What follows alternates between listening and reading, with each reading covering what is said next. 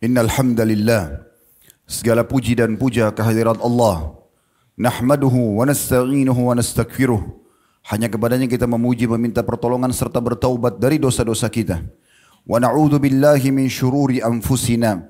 Dan hanya kepada Allah pula kita meminta agar dijauhkan dari keburukan-keburukan diri kita. Wa min sayyiati a'malina. Dan dari segala keburukan amal-amal kita atau dosa. May yahdihillahu fala Barang siapa yang telah Allah berikan petunjuk maka tidak akan pernah sesat selamanya. Wa may yudlilhu fala hadiyalah. Dan barang siapa yang telah Allah sesatkan maka tidak akan ada yang bisa memberinya petunjuk.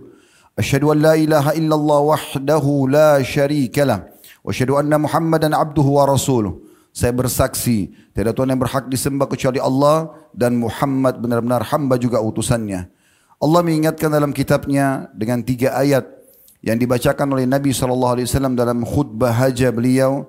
Yang pertama adalah ya ayyuhalladzina amanu taqullaha haqqa tuqatih wa la tamutunna illa wa antum muslimun. Hai sekalian orang-orang yang beriman bertakwalah, hanya patuh dan tunduklah kepada satu-satunya pencipta segala sesuatunya, baik di langit, di bumi, di kedalaman lautan, terjangkau atau tidak terjangkau oleh mata manusia, yaitu Allah, sebenar-benar patuh dan tunduk dan janganlah kalian meninggal dunia kecuali dalam keadaan Islam. Di ayat yang kedua, Ya ayuhan nasu taqu rabbakum alladhi khalaqakum min nafsin wahida wa khalaqa minha zawjaha wa batha minhuma rijalan kathiran wa nisaa wattaqullaha alladhi tasaaluna bihi wal arham innallaha kana alaikum raqiba.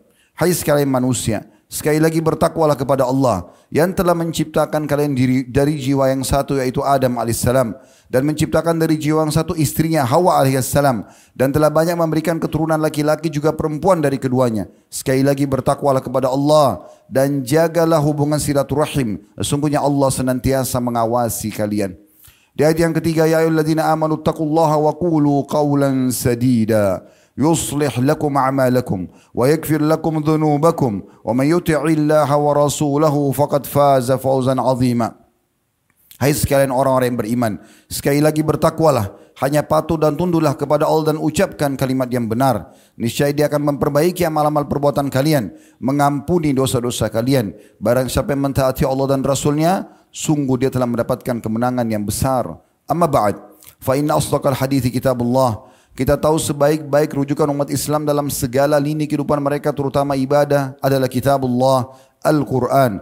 Wa khairul hadi hadyu Muhammadin sallallahu alaihi wa ala alihi wa sahbihi wa sallam dan sebaik-baik petunjuk selalu Al-Quran adalah petunjuk Nabi besar Muhammad sallallahu alaihi wa ala alihi wa sahbihi wasallam wa syarrul umuri muhdatsatuha dan seburuk-buruk perbuatan terutama dalam ibadah yang tidak punya rujukan dari keduanya.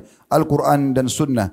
Wa in fa inna kulla muhdatsatin bid'ah. Semua perbuatan tidak punya panduan dari wahyu dikenal dengan perbuatan baru dalam agama. Wa nabidatun dalalah. Dan perbuatan baru itu akan membawa pelakunya pada kesatan wa dalam finnar dan kesatan akan membawa pelakunya ke dalam api neraka Saudaraku seiman rahimani wa rahimakumullah. Sebagaimana sudah kami janjikan pada khutbah-khutbah sebelumnya, ke depannya akan susunan khutbah tujuh khutbah adalah serial iman. Yang lalu kami sempat membahas serial iman tentang masalah pentingnya istiqamah. Dan pada saat ini insya Allah kita akan bahas tentang masalah pentingnya mujahadah. Saudaraku seiman, mujahadah adalah seseorang atau sosok muslim berusaha untuk selalu mengontrol dirinya, jiwanya, fikirannya, hatinya, juga sekaligus mengawasinya agar selalu berada di atas ketaatan kepada Allah Subhanahu wa taala. Ini Allah tugaskan kepada kita dan Allah Subhanahu wa taala akan memberikan petunjuk bagi orang-orang yang berusaha untuk melakukan itu. Allah jelaskan di dalam Al-Qur'an dalam surah Al-Ankabut surah nomor 29 ayat 69 yang bunyinya والذين جاهدوا فينا lanahdiyannahum سبلنا وإن الله لمع المحسنين Orang-orang yang berusaha bermujahadah, berjihad, memaksakan dirinya agar selalu menuju ke jalan-jalan kami, kami akan pandu mereka ke jalan-jalan kami. Dan sungguhnya Allah selalu bersama dengan orang-orang yang berusaha berbuat kebaikan. Syaitan yang merupakan musuh manusia tidak ingin Siapa pun di antara kita terisi buku amalnya dengan amal-amal saleh, baik itu wajib ataupun sunnah. Syaitan akan berusaha membuat setiap mukmin meninggalkan yang wajib. Kalau tidak mampu, maka dia membuat lalai dari kewajiban tersebut. Misalnya sholat awal waktu ditunda sehingga menjadi pertengahan waktu atau akhir waktu. Kalau dia tidak mampu, maka dia membuat lalai dari amal-amal sunnah sehingga dilalaikan dan ditinggalkan. Kalau dia tidak mampu juga, maka dia akan buat terlalaikan atau mengurangi kadar daripada amal-amal sunnah tersebut. Terus saja syaitan berusaha agar jangan ada amal wajib dan amal sunnah tertulis dan itu semua bisa dilawan. Allah Subhanahu wa taala menjelaskan tentang syaitan, inna kaida syaitani kana dhaifa. Sesungguhnya tipu daya syaitan sangat lemah karena setiap orang di antara kita bisa menolak masalah itu. Oleh karena itu teman-teman sekalian kita harus betul-betul bagaimana mengontrol diri kita sendiri dan jangan membiarkan semua itu terjadi. Dan sebaliknya syaitan akan berusaha agar buku-buku amal kita tertulis dengan hal-hal yang haram. Kalau dia tidak mampu maka minimal turun ke hal yang makruh atau minimal pada hal yang mubah tapi berlebih-lebihan sehingga banyak sekali waktu yang disia-siakan.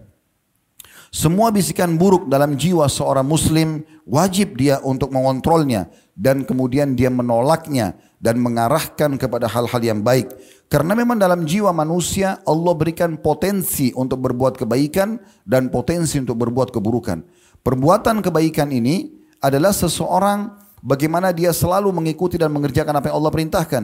Ada potensi untuk itu. Makanya kita pun bisa hadir di khutbah Jumat seperti ini. Karena ada potensi dalam diri kita. Sedikit kita termotivasi kita akan mengerjakan. Begitu juga kita punya potensi untuk mengerjakan perbuatan dosa. Dan syaitan selalu menunggangi uh, potensi buruk dalam diri kita. Dan Allah menggambarkan tentang masalah itu dalam Al-Quran surah Yusuf surah nomor 12 ayat 53. Wa ma ubri'u nafsi inna nafsa la bisu. Kata Yusuf alaihissalam, aku tidak dapat menjamin diriku selamat dari kesalahan karena sesungguhnya jiwa itu memiliki potensi pada keburukan. Saudaraku si iman, di saat jiwa anda malas, suka berfoya-foya, menyanyiakan waktu, suka dengan kebodohan, malas untuk belajar agama, cenderung pada dosa dan pelanggaran-pelanggaran, maka segera arahkan ke arah positif dan ibadah. Karena kalau tidak, maka pasti akan teralahkan kepada kemaksiatan. Cuma dua hal. Kepada potensi positif yang baik dan itu terisi amal-amal saleh, maka anda meraih cinta Allah Subhanahu Wa Taala, mendapat kebahagiaan dunia dan mendapat juga balasan maksimal di akhirat dengan surga. Atau kepada potensi keburukan yang datangkan murka Allah dan juga akhirnya berisi dosa yang akan menjadikan hukuman bagi anda pada hari kiamat nanti. Semua bisikan dari ajakan syaitan, kalau tadi bisikan dari jiwa kita, ada potensi keburukan. Iblis, ya, semoga Allah melaknatnya, dia pada saat awal tidak mau sujud kepada Adam, tidak ada syaitan yang menggoda dia karena dia pemimpin syaitan. Tapi yang mengontrol dia adalah hawa nafsunya. Oleh karena itu kita harus mengontrol hawa nafsu ini. Kemudian ada bisikan yang lain selain hawa nafsu dalam jiwa adalah bisikan syaitan sendiri. Semua bisikan agar malas beribadah, menunda-nundanya atau bahkan kepada pelanggaran agama, maka wajib kita untuk berlindung kepada Allah Subhanahu wa taala. Allah sebutkan dalam banyak ayat Al-Qur'an di antaranya surah Al-A'raf Surah nomor 7 ayat 200. Wa imma yanzagannaka minasyaitani nazgum fasta'id billah innahu sami'un alim. Bila engkau sudah mulai ditimpa godaan-godaan syaitan, maka berlindunglah kepada Allah. Sesungguhnya Allah maha mendengar lagi maha mengetahui. Jadi bukan malah diikutin, tapi berlindung kepada Allah subhanahu wa ta'ala agar diselamatkan dari masalah itu. Saudaraku seiman, terlalu banyak contoh-contoh dari para kaum salafus saleh bagaimana mereka bermujahadah, memaksa diri mereka agar selalu dalam ketaatan, memaksa diri mereka agar meninggalkan kemaksiatan. Dan ini harus di tangan kita atau harus kita yang menentukannya. Tidak mungkin orang lain yang melakukannya. Orang lain dari para dai, para ulama hanya bisa mengingatkan saja. Tapi yang menentukan adalah diri kita sendiri. Dan Allah memastikan dalam firman-Nya, "Inna Allah la yughayyiru ma biqaumin hatta yughayyiru ma bi anfusihim." Allah tidak akan mengubah nasib satu kaum dari keputarburukan, kemaksiatan kepada ketaatan kecuali mereka berusaha untuk mengubah diri mereka. Dan kalau kita sudah berusaha untuk mengubahnya dari ketaatan kelalaian kepada keta dari dari kelalaian kepada ketaatan, maka Allah Subhanahu wa taala akan membantu kita untuk itu. Sebagaimana tadi sudah dijelaskan dalam surah Al-Ankabut. Juga Nabi SAW menyebutkan dalam sebuah hadis sahih riwayat Bukhari hadis Qudsi. Kata Allah SWT kalau hamba itu mendekatkan diri kepadaku satu jengkal maka aku dekatkan diri kepada yang satu depa. Kalau dia satu depa maka aku satu, satu, satu hasta maka aku satu depa. Dan kalau dia satu depa maka aku ya Uh, kalau dia mendekatkan diri sejengkal maka aku akan dekatkan diri dengannya sesiku. Kalau sesiku maka aku dengan selengan. Kalau dia berjalan maka aku akan mendekatkan diri kepadanya dengan ber, berlari kecil. Maka berarti sedikit upaya kita akan mendatangkan bantuan dari Allah Subhanahu wa taala. Sedikit upaya kita untuk taubat nasuha dan meninggalkan dosa-dosa, kemudian kita berusaha menuju kepada ketaatan, Allah akan mudahkan kaki kita melangkah, tangan kita untuk mulai memulainya, pikiran hati kita mulai fokus kepadanya. Yang penting ada upaya dari kita. Makin kita terus menggodok itu, maka makin meningkat iman kita dan iman ini bertambah dengan ketaatan dan berkurang dengan kemaksiatan. Sebagai pelengkap bahasan kita, kita akan coba menyebutkan tentang sikap dan perilaku para salafus salih. Dan saya minta semua hadirin teman-teman sekalian merenungi baik-baik bagaimana sikap mereka dalam bermujahadah. Dimulai dari manusia terbaik Nabi sallallahu alaihi wasallam. Dikatakan dalam hadis Bukhari Ummul Mukminin radhiyallahu anha Aisyah berkata, Rasulullah SAW salat malam sampai kedua telapak kaki beliau bengkak. Lalu Aisyah pun merasa iba dan berkata, Ya Rasulullah, kenapa anda lakukan ini? Bukankah Allah telah memaafkan dosa anda yang lalu dan akan datang? Maka beliau menjawab dengan kalimat yang harus difahami baik-baik dan direnungi. Beliau mengatakan, "Afala uhibbu an akuna 'abdan syakura." Apakah aku tidak ingin untuk menjadi seorang hamba yang bersyukur? Artinya, kalaupun aku tidak punya dosa, bukan berarti aku tidak harus beribadah. Bukan berarti aku tidak istighfar, bukan berarti aku tidak sujud, bukan berarti aku tidak ibadah kepada Allah SWT.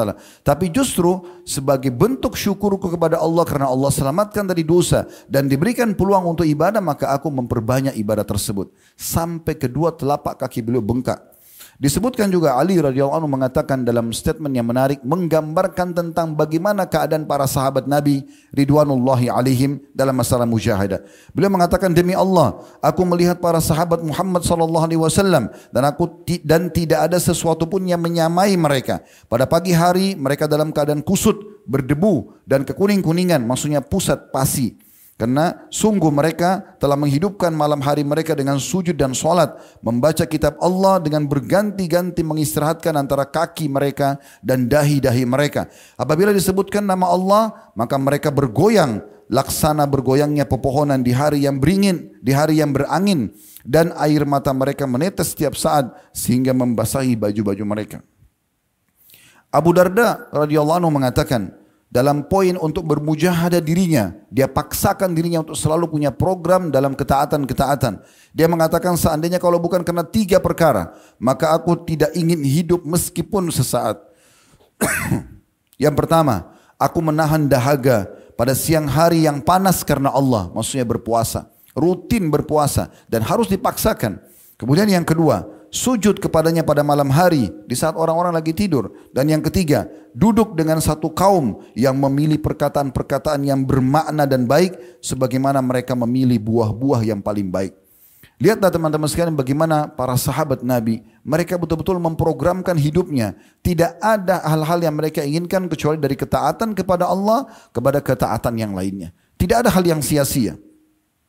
Disebutkan bahwasanya mereka pun bahkan sampai menghardik diri-diri mereka. Di saat ada satu perbuatan ibadah yang mereka rutin kerjakan ternyata terbengkalai atau sedikit saja telat dari waktunya. Umar bin Khattab radhiyallahu anhu pernah mencaci dirinya karena memang ketinggalan sholat asar secara berjamaah. Lalu sebagai balasannya beliau bersedekah dengan sebidang tanah yang nilainya 200 ribu dirham. Begitu juga dengan anaknya Abdullah bin Umar radhiyallahu anhu. Ketika ketinggalan sholat berjamaah suatu hari, maka beliau menggantikannya atau menghidupkan malam harinya dengan sholat malam semalam suntuk tanpa tidur. Sebagai bentuk ya ketaatannya kepada Allah SWT dan menunjukkan kepada Allah kalau sebenarnya saya ingin membalas dengan ketaatan yang lainnya. Bahkan Beliau suatu hari pernah ketinggalan sholat maghrib berjamaah sehingga terbitlah dua bintang dikatakan dalam riwayat atau sudah terbenam matahari. Maka beliau memerdekakan dua budak sahaya selain mengerjakan kewajiban tersebut atau sholat maghrib. Tetap dikerjakan kemudian beliau menebusnya lagi dengan dua orang budak yang dimerdekakan. Wais Al-Qarni rahimahullah seorang ulama tabi'in yang masyhur. Bahkan Nabi SAW mengatakan dia adalah afdal tabi'in. Generasi yang datang setelah para sahabat Nabi Ridwanullah alaihim. Beliau dikatakan dalam salah satu kisahnya, sekian banyak kisah beliau. Tapi di antaranya yang unik adalah beliau karena tiap malam tidak pernah ketinggalan sholat malam. Maka satu malam beliau mengatakan, malam ini adalah malam ruku. Maka beliau memaksimalkan malam itu sepalam suntuk mayoritas waktunya ruku. Jadi rukuknya lama sekali dengan mengulang-ulangi bacaan rukuk tersebut. Dan besok harinya beliau mengatakan malam ini malam sujud. Maka beliau banyak sekali waktu yang dihabiskan untuk sujud. Walaupun tentu gerakan sholat yang lain juga dikerjakan. Begitu juga Sufyan al-Thawri rahimahullah. Beliau tidak pernah sampai beliau mendapatkan julukan sejad orang yang suka sekali sujud.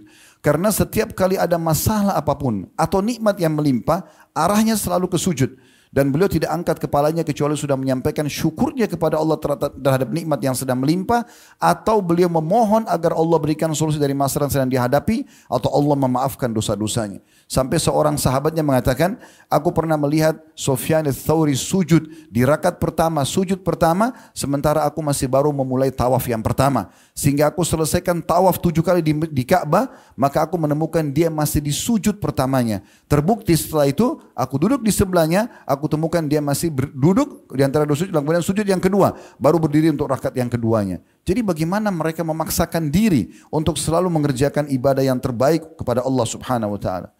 Thabit al-Bunani rahimahullah berkata, Aku menjumpai banyak sekali laki-laki saleh. Salah seorang dari mereka salat sehingga ia tidak mampu mendatangi tempat tidurnya melainkan dengan merangkak.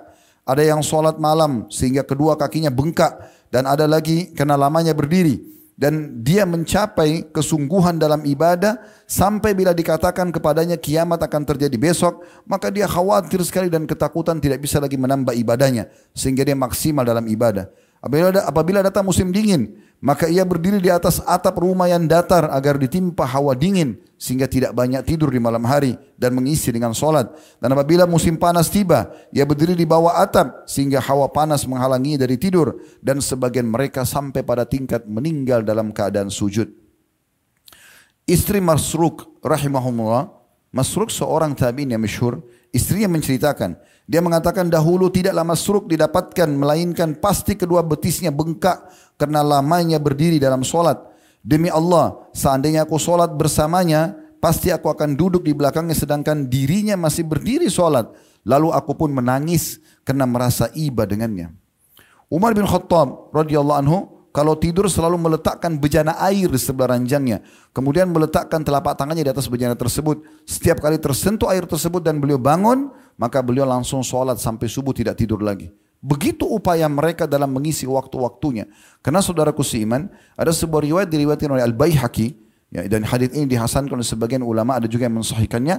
Kalau nanti ahli surga pun pada saat masuk ke dalam surga, mereka masih punya penyesalan atas beberapa waktu atau kesempatan amal soleh yang mereka sia-siakan.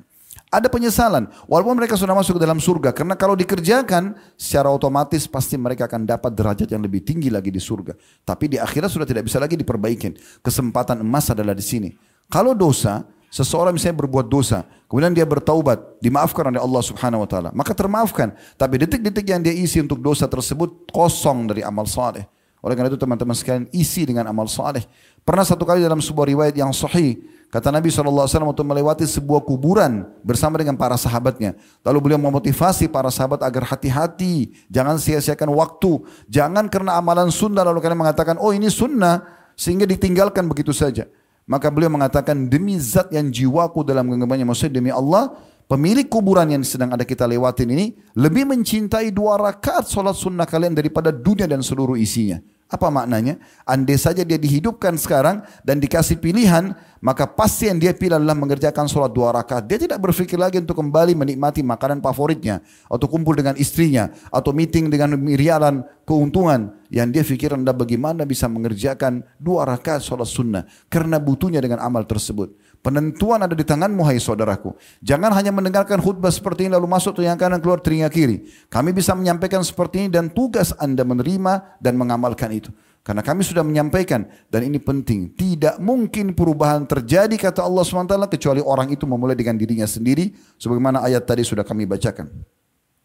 Ada bahkan kata Syekh Abu Bakar Jazair rahimahullah dalam kitab beliau Minhajul Muslim, beliau menjelaskan ada berak, ada bahkan sebagian salafus saleh yang pada saat mereka mencapai umur 40 tahun mereka melipat kasurnya lalu tidak tidur di atasnya selamanya.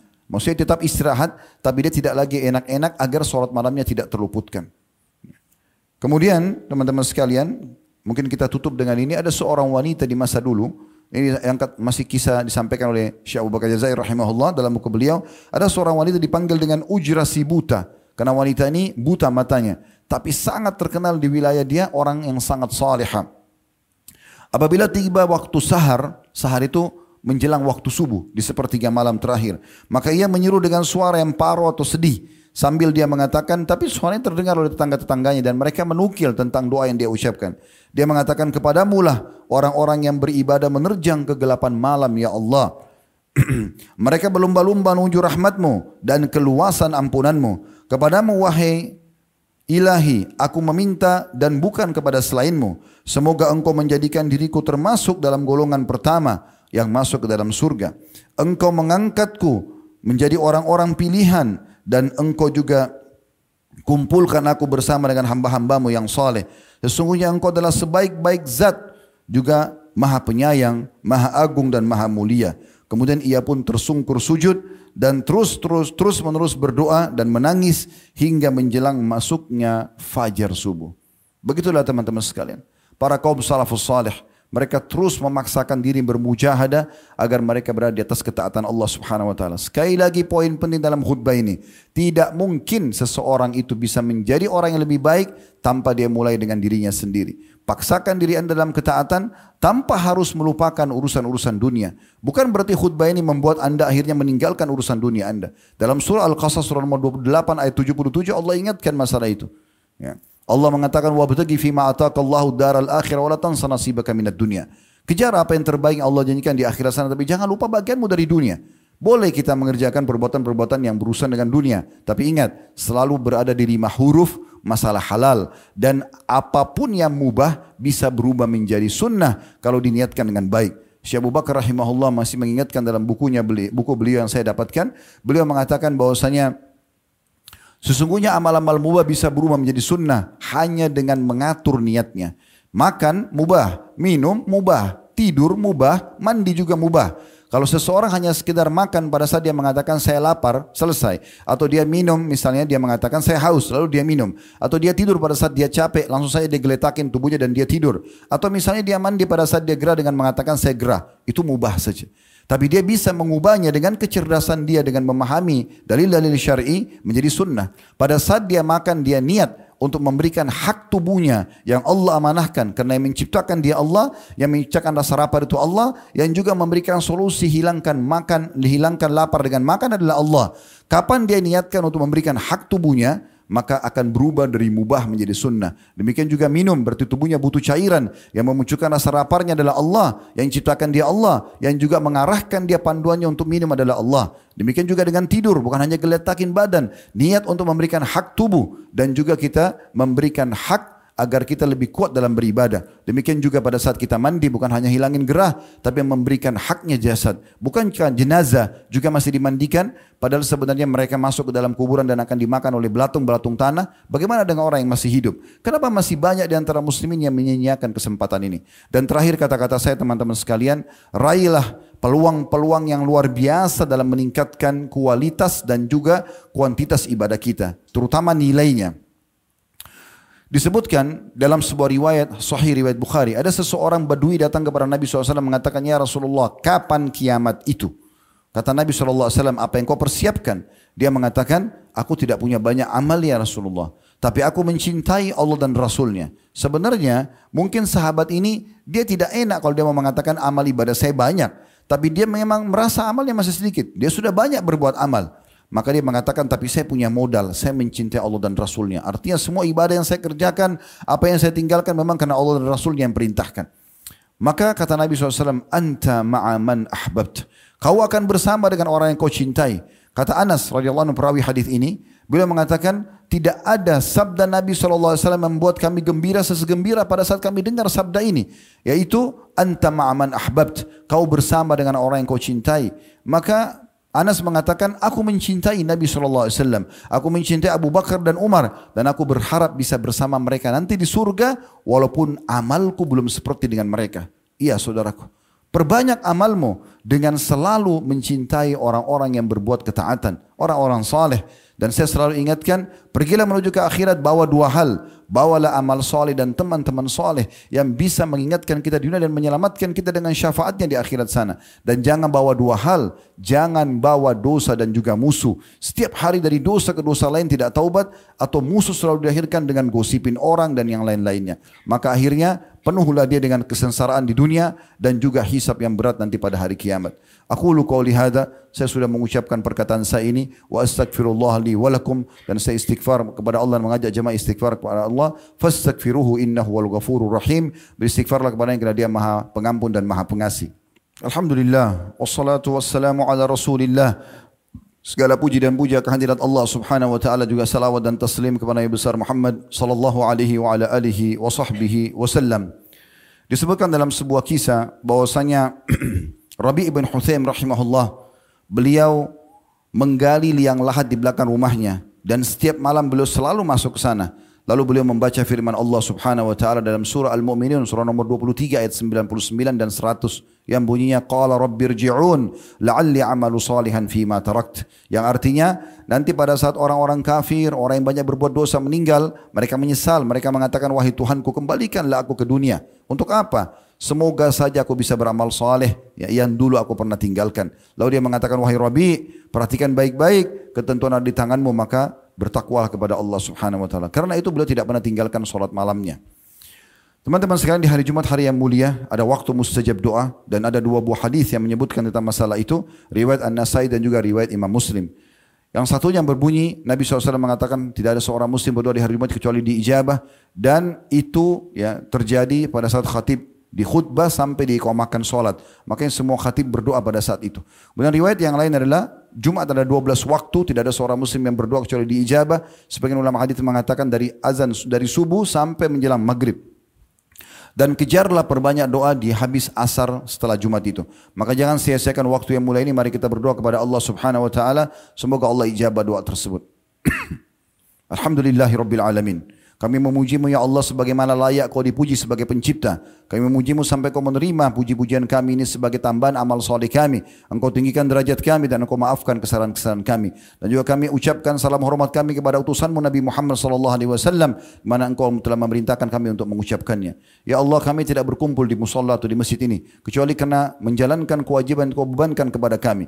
Maka terimalah ini dengan pahala yang sempurna dan terimalah seluruh amal-amal soleh yang pernah kami kerjakan, sunnah ataupun wajib, ikhlas ataupun kami kurang ikhlas atau yang sedang kami kerjakan ataupun yang akan kami kerjakan sampai menjelang ajal datang nanti dengan pahala yang sempurna.